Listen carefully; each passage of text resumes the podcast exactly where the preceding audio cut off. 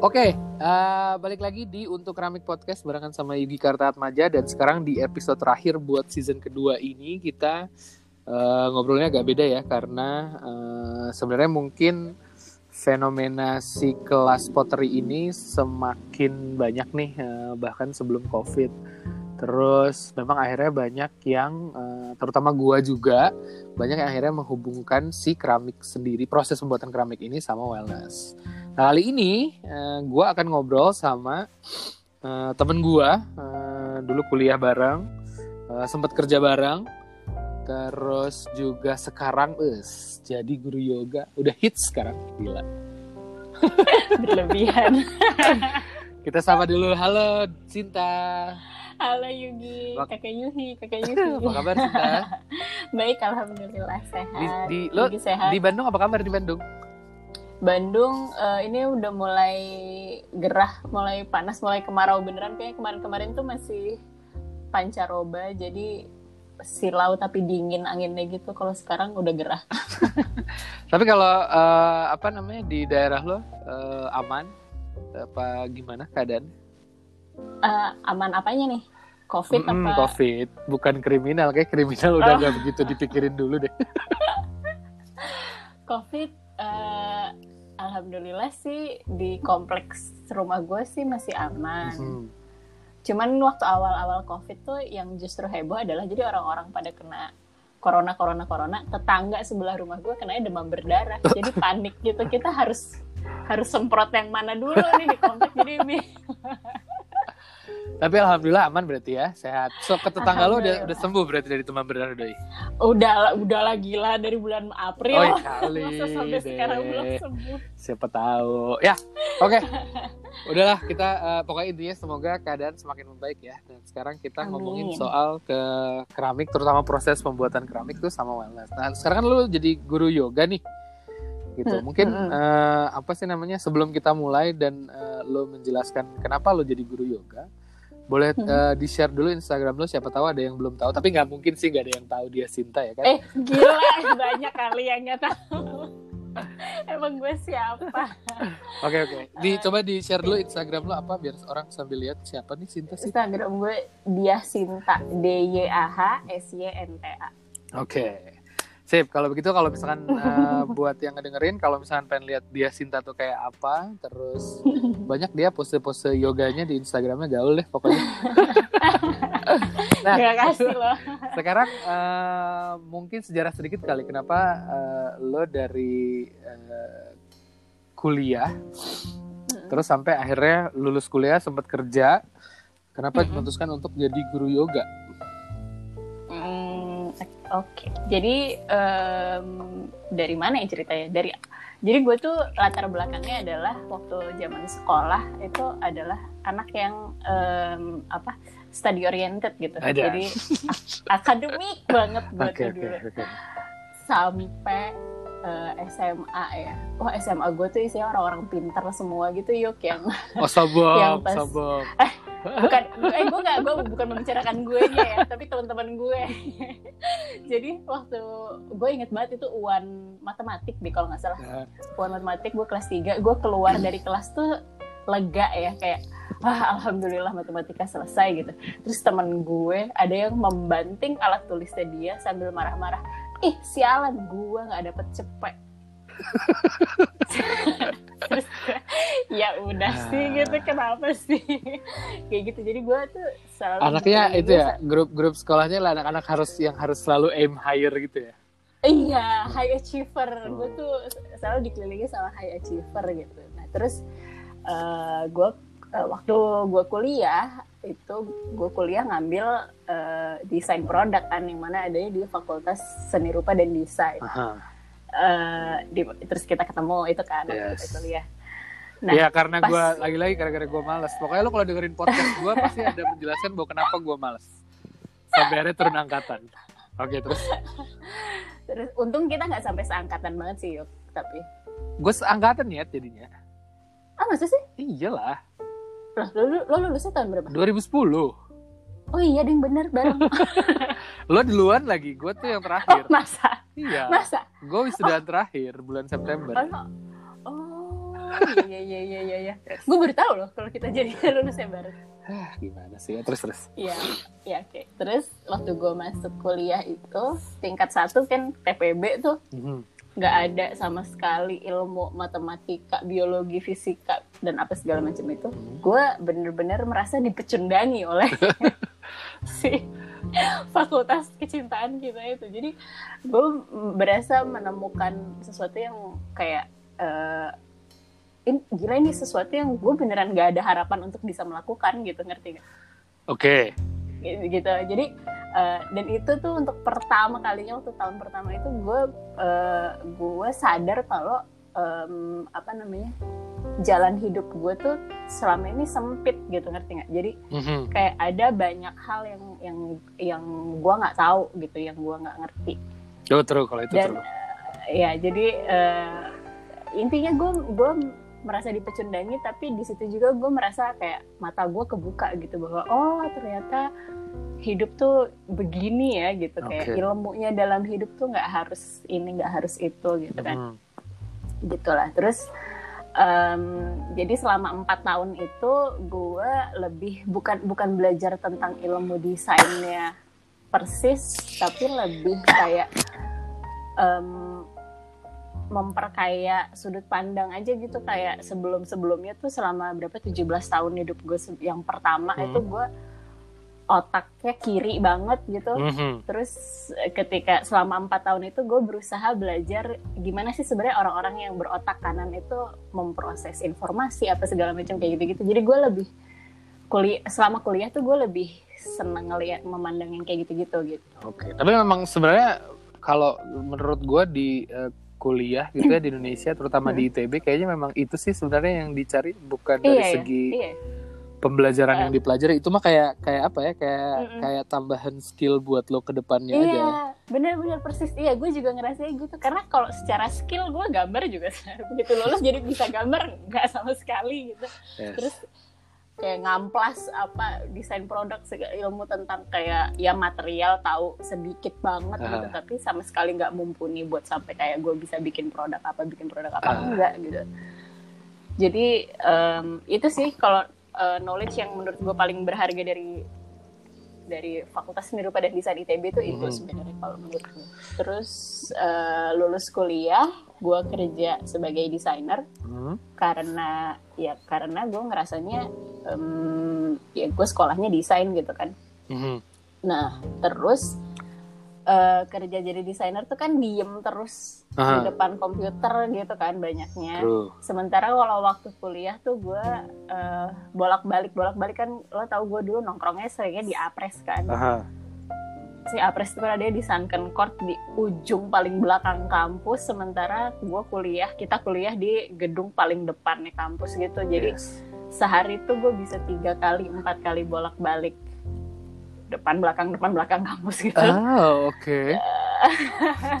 terus eh, jadi gue jam makan siang gue ke apres beres kuliah eh beres makan siang terus gue kuliah lagi ke depan lagi gitu kan terus pulang gue balik lagi ke belakang at least segitu gitu Ah. mobilitas gue sehari-hari Right, di kampus Berarti anaknya suka gerak Terus- ya dari dari dulu ya. Iya, heeh. tapi gue nggak nyadar kalau gue tuh suka gerak. Sampai ketika gue kerja sebagai desainer itu dari jam 9 pagi sampai jam 5 sore gue diem di depan komputer doang gitu kan. Terus gue mulai ngerasain tuh kok badan gue jadi gampang pegel-pegel, Hmm. kok jadi gampang sakit-sakit kayak Yes. gitu-gitu. Akhirnya gue merasa kayaknya ada sesuatu yang harus berubah nih gitu Hmm. Eh, terus gue mikir-mikir apa ya apa ya gitu terus eh, apa gue mik eh, ya udah terus gue coba oh kayaknya gue perlu olahraga Hmm. terus gue merasa perlu olahraga gue nyobalah nah olahraga pertama yang gue coba itu adalah yoga karena gue takut hitam Oke, itu tahun berapa tuh lo? Pertama kali nyobain yoga itu tahun berapa? 2011 2011. Oke. 2011 Right, right, right. Terus dari situ Gitu. apa namanya? Itu berarti baru nyoba eh, ikutan kelas-kelas gitu apa lo? baru eh, baru nyoba ikutan kelas yoga itu Mhm. 2011 tuh terus eh, dari situ terus gue jadi nyadar oh iya ternyata ternyata gue butuh banget olahraga gitu gue ternyata uh, badannya kurang gerak akhirnya uh, gue rutin yoga berapa bulan uh, abis itu nyoba olahraga-olahraga yang lain lagi. Makanya gue jadi sempet suka lari sempet suka uh, sempet sepedahan terus sempet suka apa sempet suka apa gitu. Oh sporty anaknya. Uh, tiba-tiba jadi sporty. Tapi waktu masih kecil emang nggak sama sekali. Ya waktu kecil kayak sporty tapi mulut yang sporty nah, itu itu bisa jadi. Bener bener bener. Oke. Okay. ya terus abis itu uh, terus gue sempet suka suka banget lari sampai tahun 2015 tuh gue full maraton kan. Hmm. 2015 itu gue full maraton terus cedera. Gaya banget lu kayak atlet buset makanya jangan sok-sok jadi atlet kalau emang badannya nggak siap jadi atlet nah itu yang gue pelajari nah oke okay. tapi uh, kan dari nyobain yoga 2011 terus beberapa kali mm -hmm. nyobain olahraga uh, yang lain mm -hmm. sampai akhirnya lari maraton terus akhirnya lo kayak memutuskan oke okay lah yoga terus dan lo mengejar untuk me mendapatkan mm -hmm. lisensi sebagai guru tuh alasannya kenapa dan kapan itu tuh tahun 2016 awal gue pertama kali dapet sertifikasi jadi guru yoga tuh. Hmm. Jadi uh, ya awalnya karena si cedera cedera maraton gue itu kan. Hmm. Terus uh, gue nggak bisa olahraga yang high impact. Terus berarti lari udah nggak boleh hmm. waktu itu. Gue harus istirahat dulu dari lari. Terus akhirnya satu-satunya olahraga yang uh, gue merasa gue aman untuk lakukan adalah yoga. Oke. Okay.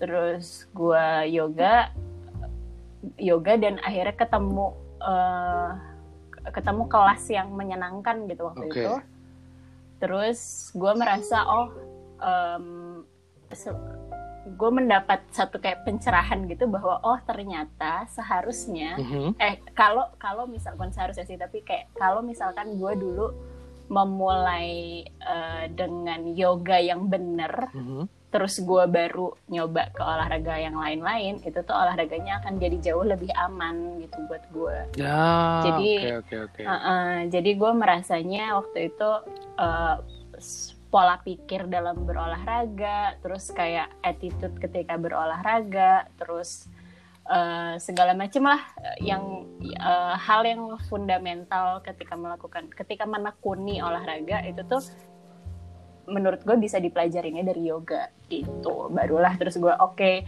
gue merasa ini sesuatu yang gue harus eh gue dikasih kesempatan untuk mengetahui ini itu pasti ada alasannya. Mungkin berarti gue harus menyampaikan apa yang gue pelajari ini ke orang lain. Jadi gue merasa ya udah gue akan belajar yoga untuk supaya orang-orang tidak mengalami kesalahan tidak melakukan kesalahan yang gue lakukan terus bisa membuat orang-orang itu jadi lebih sehat dengan cara yang sehat. Dan oh. noble cause banget nih anaknya. Oh my god. Oke okay, jadi uh, sekali lagi buat uh, para pendengar yang kalau pengen tahu si uh, Sinta tuh bentukan kayak apa itu bisa lihat di Instagram. Mudah-mudahan nggak kecewa ya bisa lihat bentukannya di @diasinta ya D Y A H S Y N T A Yes, betul. Right.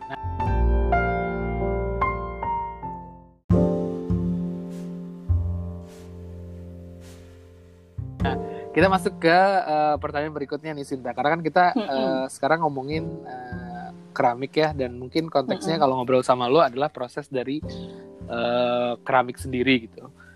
Proses pembuatannya. Nah, um, dulu gue sambil mengajar juga kan akhirnya menemukan bahwa kayak banyak artikel-artikel terutama di luar sudah banyak yang akhirnya menghubungkan antara wellness uh, konteksnya mm-hmm. baik yoga maupun meditasi dengan si proses pembuatan keramik sendiri. Nah, uh, mungkin kayak kalau datangnya dari lu sebagai guru yoga tuh apa sih sebenarnya korelasi antara si proses pembuatan keramik dengan wellness sendiri?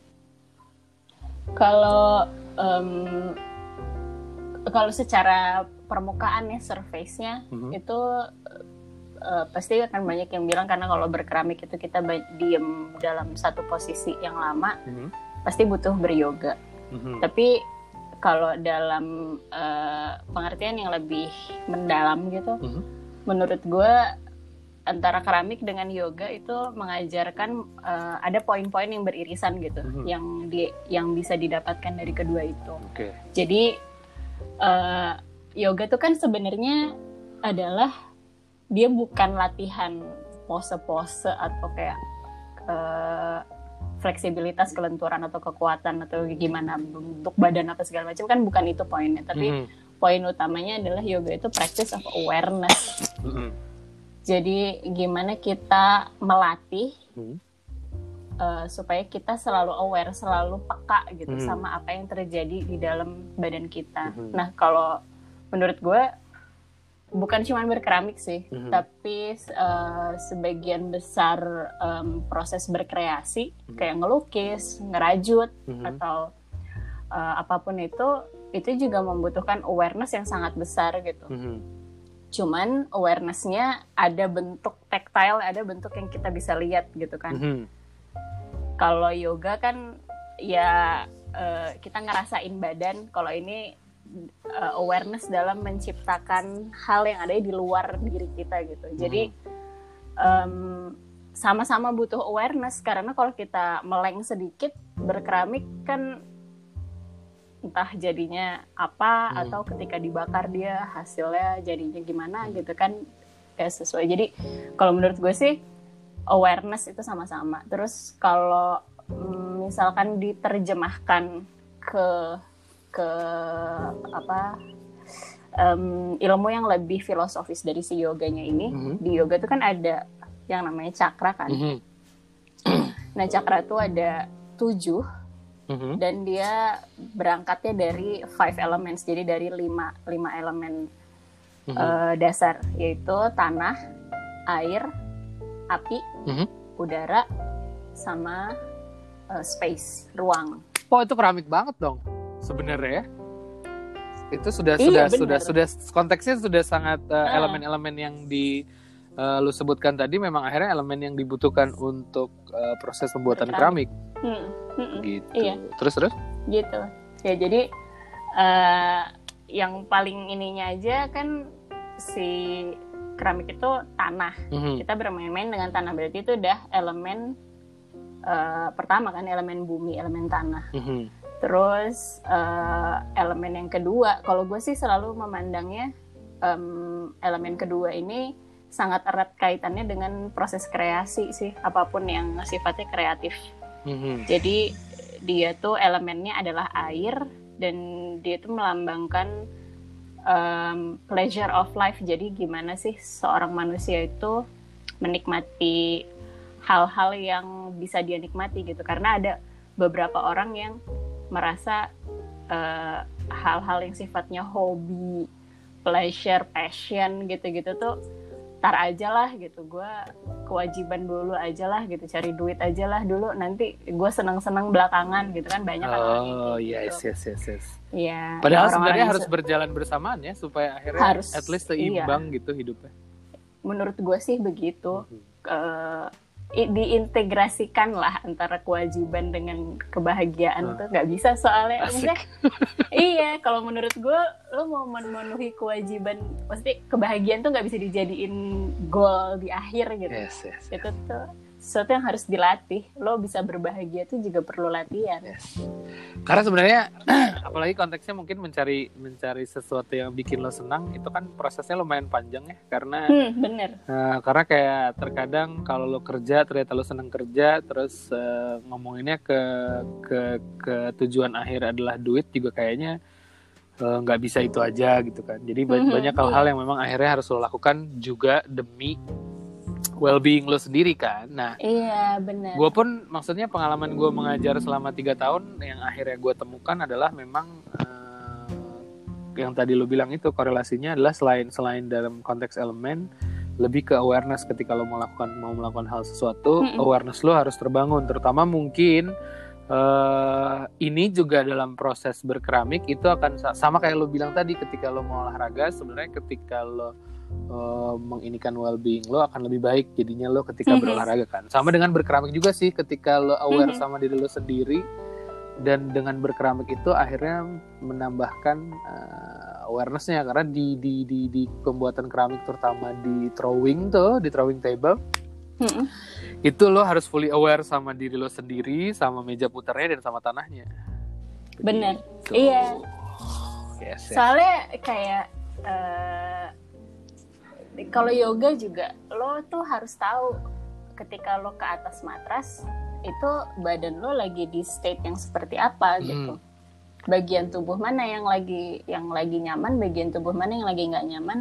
Terus gimana caranya lo menyamankan itu sebelum lo mulai praktis? Atau gimana caranya supaya praktis lo tidak membuat bagian tubuh yang nyaman jadi nanti malah jadi nggak nyaman atau yang tidak nyaman jadi semakin tidak nyaman gitu. Jadi Ah. Emang awareness tuh eh, praktisnya bisa di mana aja penerapannya bisa di mana aja menurut gue jadi nggak nggak melulu bahwa yang namanya kalau ngelatih awareness spiritualitas gitu-gitu tuh Mhm. metodenya hanya ada satu cara gitu kayak kalau orang mungkin sekarang banyaknya harus meditasi Ah. atau harus apa yang bentuknya seperti itu gitu Ah. kalau menurut gua enggak jadi eh, untuk melatih awareness tuh justru akan lebih mudah kalau kita menggunakan untuk pertama pertama tuh kita menggunakan hal-hal yang membuat kita seneng dulu gitu Mhm.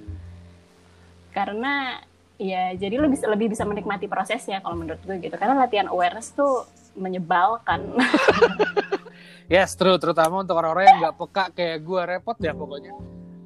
emang iya, harus terus kayak, "Ah, oke jadi harus begini, harus begini, harus begini. Wah, lumayan sih repot. iya Gitu. dari yang uh, belum lagi ada resiko kita jadi terlalu peka kayak Terus iya jadi kan? terlalu sensitif malah jadinya. Jadi iya, segala pakai perasaan. ngapain Nah, karena repot. segala kerasa gitu kan itu juga jadi repot juga nah latihan awareness tuh kan gimana caranya kita aware tapi nggak jadi kontraproduktif gitu sih awareness kita itu sama sama apa yang kita kerjakan kan kayak gitu Hmm. itu jadi menurut gue ya berkeramik sebagai proses kreatif itu eh, sangat em, berpengaruh ke dua cakra itu sih yang eh, pertama sih cakra pertama sama cakra kedua Hah. cakra ketiga mungkin karena elemennya fire ya nyambung lah ketika ngebakar gitu ya Mhm. terus kalau elemen udara sebelah mana itu Em, untuk ngeringin, untuk ngeringin. oh iya ya. benar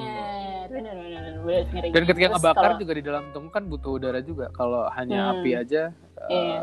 akan prosesnya juga akan berbeda lagi. Jadi tergantung dari kebutuhan eh, si prosesnya sendiri. Jadi Mm-mm. kayak elemen-elemen tersebut tuh bisa bukan bisa diatur ya, lebih kayak bisa di adjust untuk mana yang mau lu pakai dan mana yang lu eh, bukan mana yang lu pakai lebih banyak atau mana yang lu pakai lebih sedikit. Karena sebenarnya Iya. elemen itu dipakai semua. Begitu. Betul. Oke, nah Iya. sekali lagi buat para pendengar kalau misalkan mau eh, apa namanya?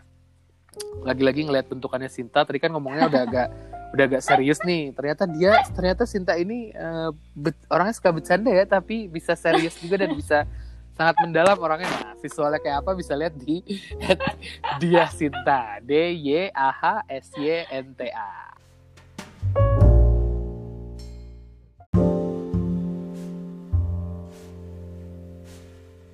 Oke, masuk ke eh, sesi terakhir nih, Sin.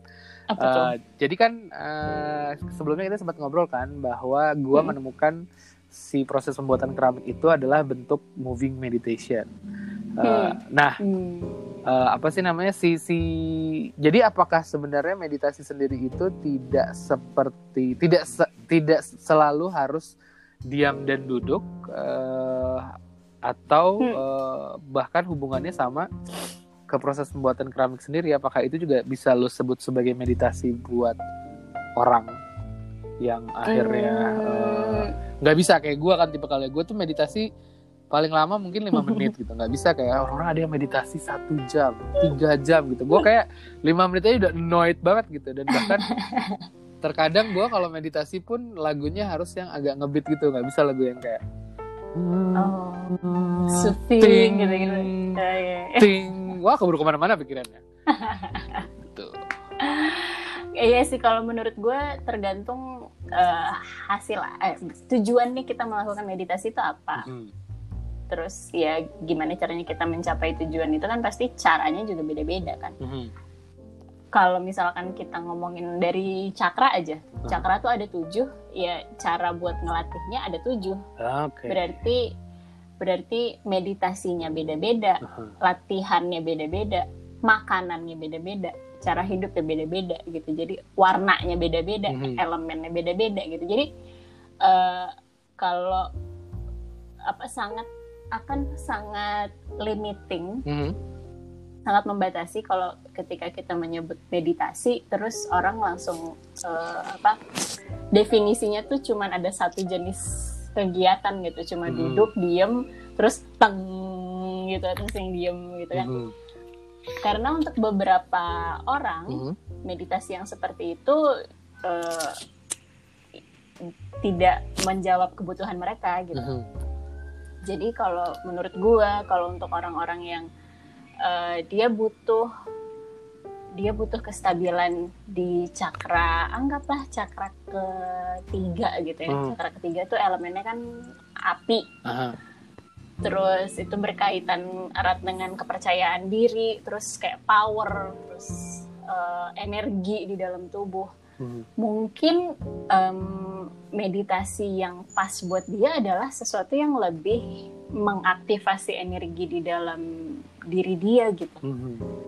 Jadi justru mungkin dia bukan butuh diem tapi dia butuh lebih banyak bergerak gitu. Hmm. Kayak dan pergerakannya juga bukan pergerakan yang halus atau pelan-pelan tapi lebih ke eh, mungkin lari makanya untuk beberapa orang Mhm. kegiatan lari itu membawa efek meditatif gitu karena ya memang bisa jadi sangat eh, sangat masuk akal gitu kalau dibilang kayak gitu terus ada juga orang yang buat dia eh, kalau lagi jalan kaki sendirian itu adalah meditatif kayak Hmm. gitu jadi itu juga bisa terus belum lagi kalau kita bilang meditasi itu cuma duduk diem gitu aja Mhm. eh, itu tuh kayak cara guide-nya Mhm. eh, orang yang yang membimbing meditasinya itu dia mengguide dengan kata-kata seperti apa itu juga bisa menghasilkan efek yang berbeda gitu jadi Oke. eh, terus ya gitu jadi meditasi untuk setiap orang beda-beda tergantung kebutuhannya dia apa gitu jadi kalau dibilang proses berkreasi pun meditatif kalau menurut gue Aha. jadi em, berkeramik berkeramik jelas meditatif karena kayak fokus gitu kan melatih Hmm. fokus gitu pilih pikirannya nggak nggak bisa ke mana-mana Yes. ya ketika sedang mengerjakan sedang berhadapan dengan tanah ya satukanlah pikirannya sinkronkanlah pikirannya dengan si tanah ini gitu kan Mhm. Dia kondisinya lagi kayak gimana kita harus paham terus kondisi kitanya lagi gimana lagi cocok apa enggak gitu. Dia bisa terbentuk jadi bentuk yang kita inginkan apa enggak gitu kan. Aha. kayak membangun koneksi antara kita sama objek yang sama tanah yang lagi kita hadapi. Kan sebenarnya itu. Jadi eh, meditasi itu selalu nggak selalu sih tapi sebagian besar tujuannya adalah mengembalikan diri kita ke saat ini gitu. Oke. ke be here now. Jadi itu menjadi ada di sini ada di sini dan ada di saat ini gitu. Jadi nggak ngawang-ngawang nggak nggak mikirin ke mana ke mana gitu. Gitu sih. Jadi kalau ada juga yang bilang merajut juga meditatif. Ya, bener juga. Karena kalau ngerajut nggak nggak fokus hitungannya ambiar ya entah jadinya apa gitu kan. Ya berarti bentukan-bentukan maksudnya meditasi sendiri tuh bisa dalam bentukan apa pun ya. Bisa iya. tergantung dari eh, mungkin meditasinya sendiri tuh bisa eh, untuk cara-cara yang duduk eh, dan diem itu adalah bentuk meditasi yang eh, paling basic kali ya untuk akhirnya lo kayak mengembalikan diri lo ke dalam eh, diri lo dan pada saat itu kan gitu sebenarnya. Hmm, ya. Jadi Either sebenarnya paling basic atau paling advance justru oh antara ya jadi bisa ya antara dua itu lah Tapi mungkin gak sih kalau misalkan kayak terkadang orang kalau melakukan mau melakukan sesuatu yang uh, menurut mereka meditatif, yang konteksnya moving meditation itu, mereka bisa melakukannya dengan meditasi dulu yang duduk diem, baru mencoba melakukan hal itu untuk akhirnya bisa mengembalikan dirinya dia, atau bahkan kebalikannya setelah dari melakukan hal itu. Menurut lo bisa dilakukan gak itu? ya bisa aja membantu Hmm. gue pernah baca bahkan orang yang sebelum dia sholat Mhm. Dia tuh meditasi dulu gitu Jadi- Oh. jadi dia benar-benar maunya ketika dia berhadapan dengan Tuhannya itu ya dia beneran nggak mikirin yang lain dia cuman ngobrol sama Tuhan aja gitu oh nice. Berarti dia men- juga. men- menemukan cara untuk akhirnya me- me- me- me- menghubungkan antara eh, eh, apa namanya sholat dengan meditasi ya. Eh ya mungkin ya bisa jadi. Hmm, Gitu. seru juga ya Karena- pembicaraannya ya. Iya, soalnya eh, apa? Beribadah itu juga butuh awareness yang luar biasa sih menurut gue. True, true, true. Tuh. Oke lah kalau begitu. Nah, eh terima kasih eh, Sinta sudah menyempatkan Udahan waktu. yuk, mau, Udahan. aku mau ngobrol lagi. Ya, podcastnya cuma 3, 20 sampai 30 menit dah. Lu mau kayak sejam nanti bosan lama-lama kan. Iya iya iya iya iya. Gitu. Jadi biar biar tek di udah di sini nah nanti pilihannya either mereka mencoba mencari sendiri atau mungkin yang Oh, mereka iya, akhirnya benar. datang ke eh, berkeramiknya atau bahkan datang ke eh, konteks meditasi Kelas dan yoga yoganya gitu. Iya iya iya. Dan iya. jadi lo juga kan kalau misalkan mau sekalian promosi tuh, kan lo juga punya IG Promosi live apa? tuh.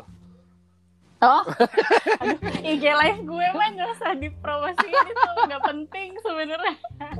Eh kan siapa tahu pengen tahu Sinta tuh kayak apa sih kok dia eh, apa sih namanya eh, bisa ngomongin tentang keramik dan juga ini siapa tahu ya, kan? Siapa tahu gue juga diundang ngomongin tentang Oh, mengajar keramik itu. Jadi sebenarnya iya, sih iya, niatnya iya. untuk Bisa coba juga diundang ya. juga sih. Iya, jadi gue tuh setiap hari minggu, eh bukan setiap hari minggu, setiap weekend, kadang Sabtu, kadang Minggu, terserah si lawan bicaranya itu bisanya kapan sih. Itu tuh ada IG live, itu IG live-nya tema besarnya adalah eh, sehat jiwa akal raga. Jadi eh, gila berat ya. Nggak, tapi tapi nah karena eh, itu tuh bukan dari gua tapi dari teman-teman gue gitu dari orang-orang yang gue kenal jadi mungkin kalau gue yang ngomong kan orang udah bosen gitu udah ngelihat Instagram gue gue ngoceh mulu gitu kan ini IG live dia ngoceh lagi gitu jadi kalau pas IG live tuh gue biarkan orang lain lah yang ngomong Oke. Halo. terus ada juga kelas yoga online gue pakai zoom tiap hari Rabu Asik. Ya itu semuanya bisa informasi semuanya itu bisa dilihat di Instagramnya Sinta tadi ya. iya betul At dia Sinta D Y A H S Y N T A gitu. Sip. Sekali lagi terima kasih eh, Sinta eh, apa namanya atas waktunya dan kayaknya sebenarnya pembicaraan ini tuh bisa lebih panjang dan lebih mendalam sih sebenarnya ya konteksnya. Tapi Iya, mungkin ya seru. either either nanti kita akan ada podcast lagi ya, atau gue diundang kali sih sebenarnya Hmm, ke IG live lo biar lucu. iya iya benar. boleh sih Oke, kalau gitu buat makasih juga Yugi Yes, buat para pendengar yang eh, apa namanya konteksnya eh, kan kemarin-kemarin gue sempat eh, ngasih tahu kalau misalkan pengen tahu eh, tentang seniman keramik atau pelaku keramik yang lain yang minta di eh, ajak ngobrol bisa di DM di add untuk keramik ya. Tapi kalau misalkan konteksnya mau juga sama hal-hal di luar dari pelaku keramiknya bisa juga nih karena memang sebenarnya si proses pembuatan keramik ini konteksnya tidak hanya dalam eh, dunia keramiknya sendiri karena sekarang sudah bisa digabungkan dengan hal-hal yang lain dan mungkin kemungkinan nanti akan gua akan mencoba ngobrol sama eh, kolektor keramik. Oke, kalau gitu Oh. Sinta sekali lagi Yes. terima kasih banyak. Eh, Terima kasih banyak juga Yugi. Semoga keadaan jauh lebih baik ya. Gue pengen pulang ke Bandung nih. Amin. Sama, gue juga pengen ke Jakarta menjenguk orang tua. Betul betul. Oke, kalau begitu Sinta, terima kasih. Dadah. Sehat-sehat ya Yugi. Dadah.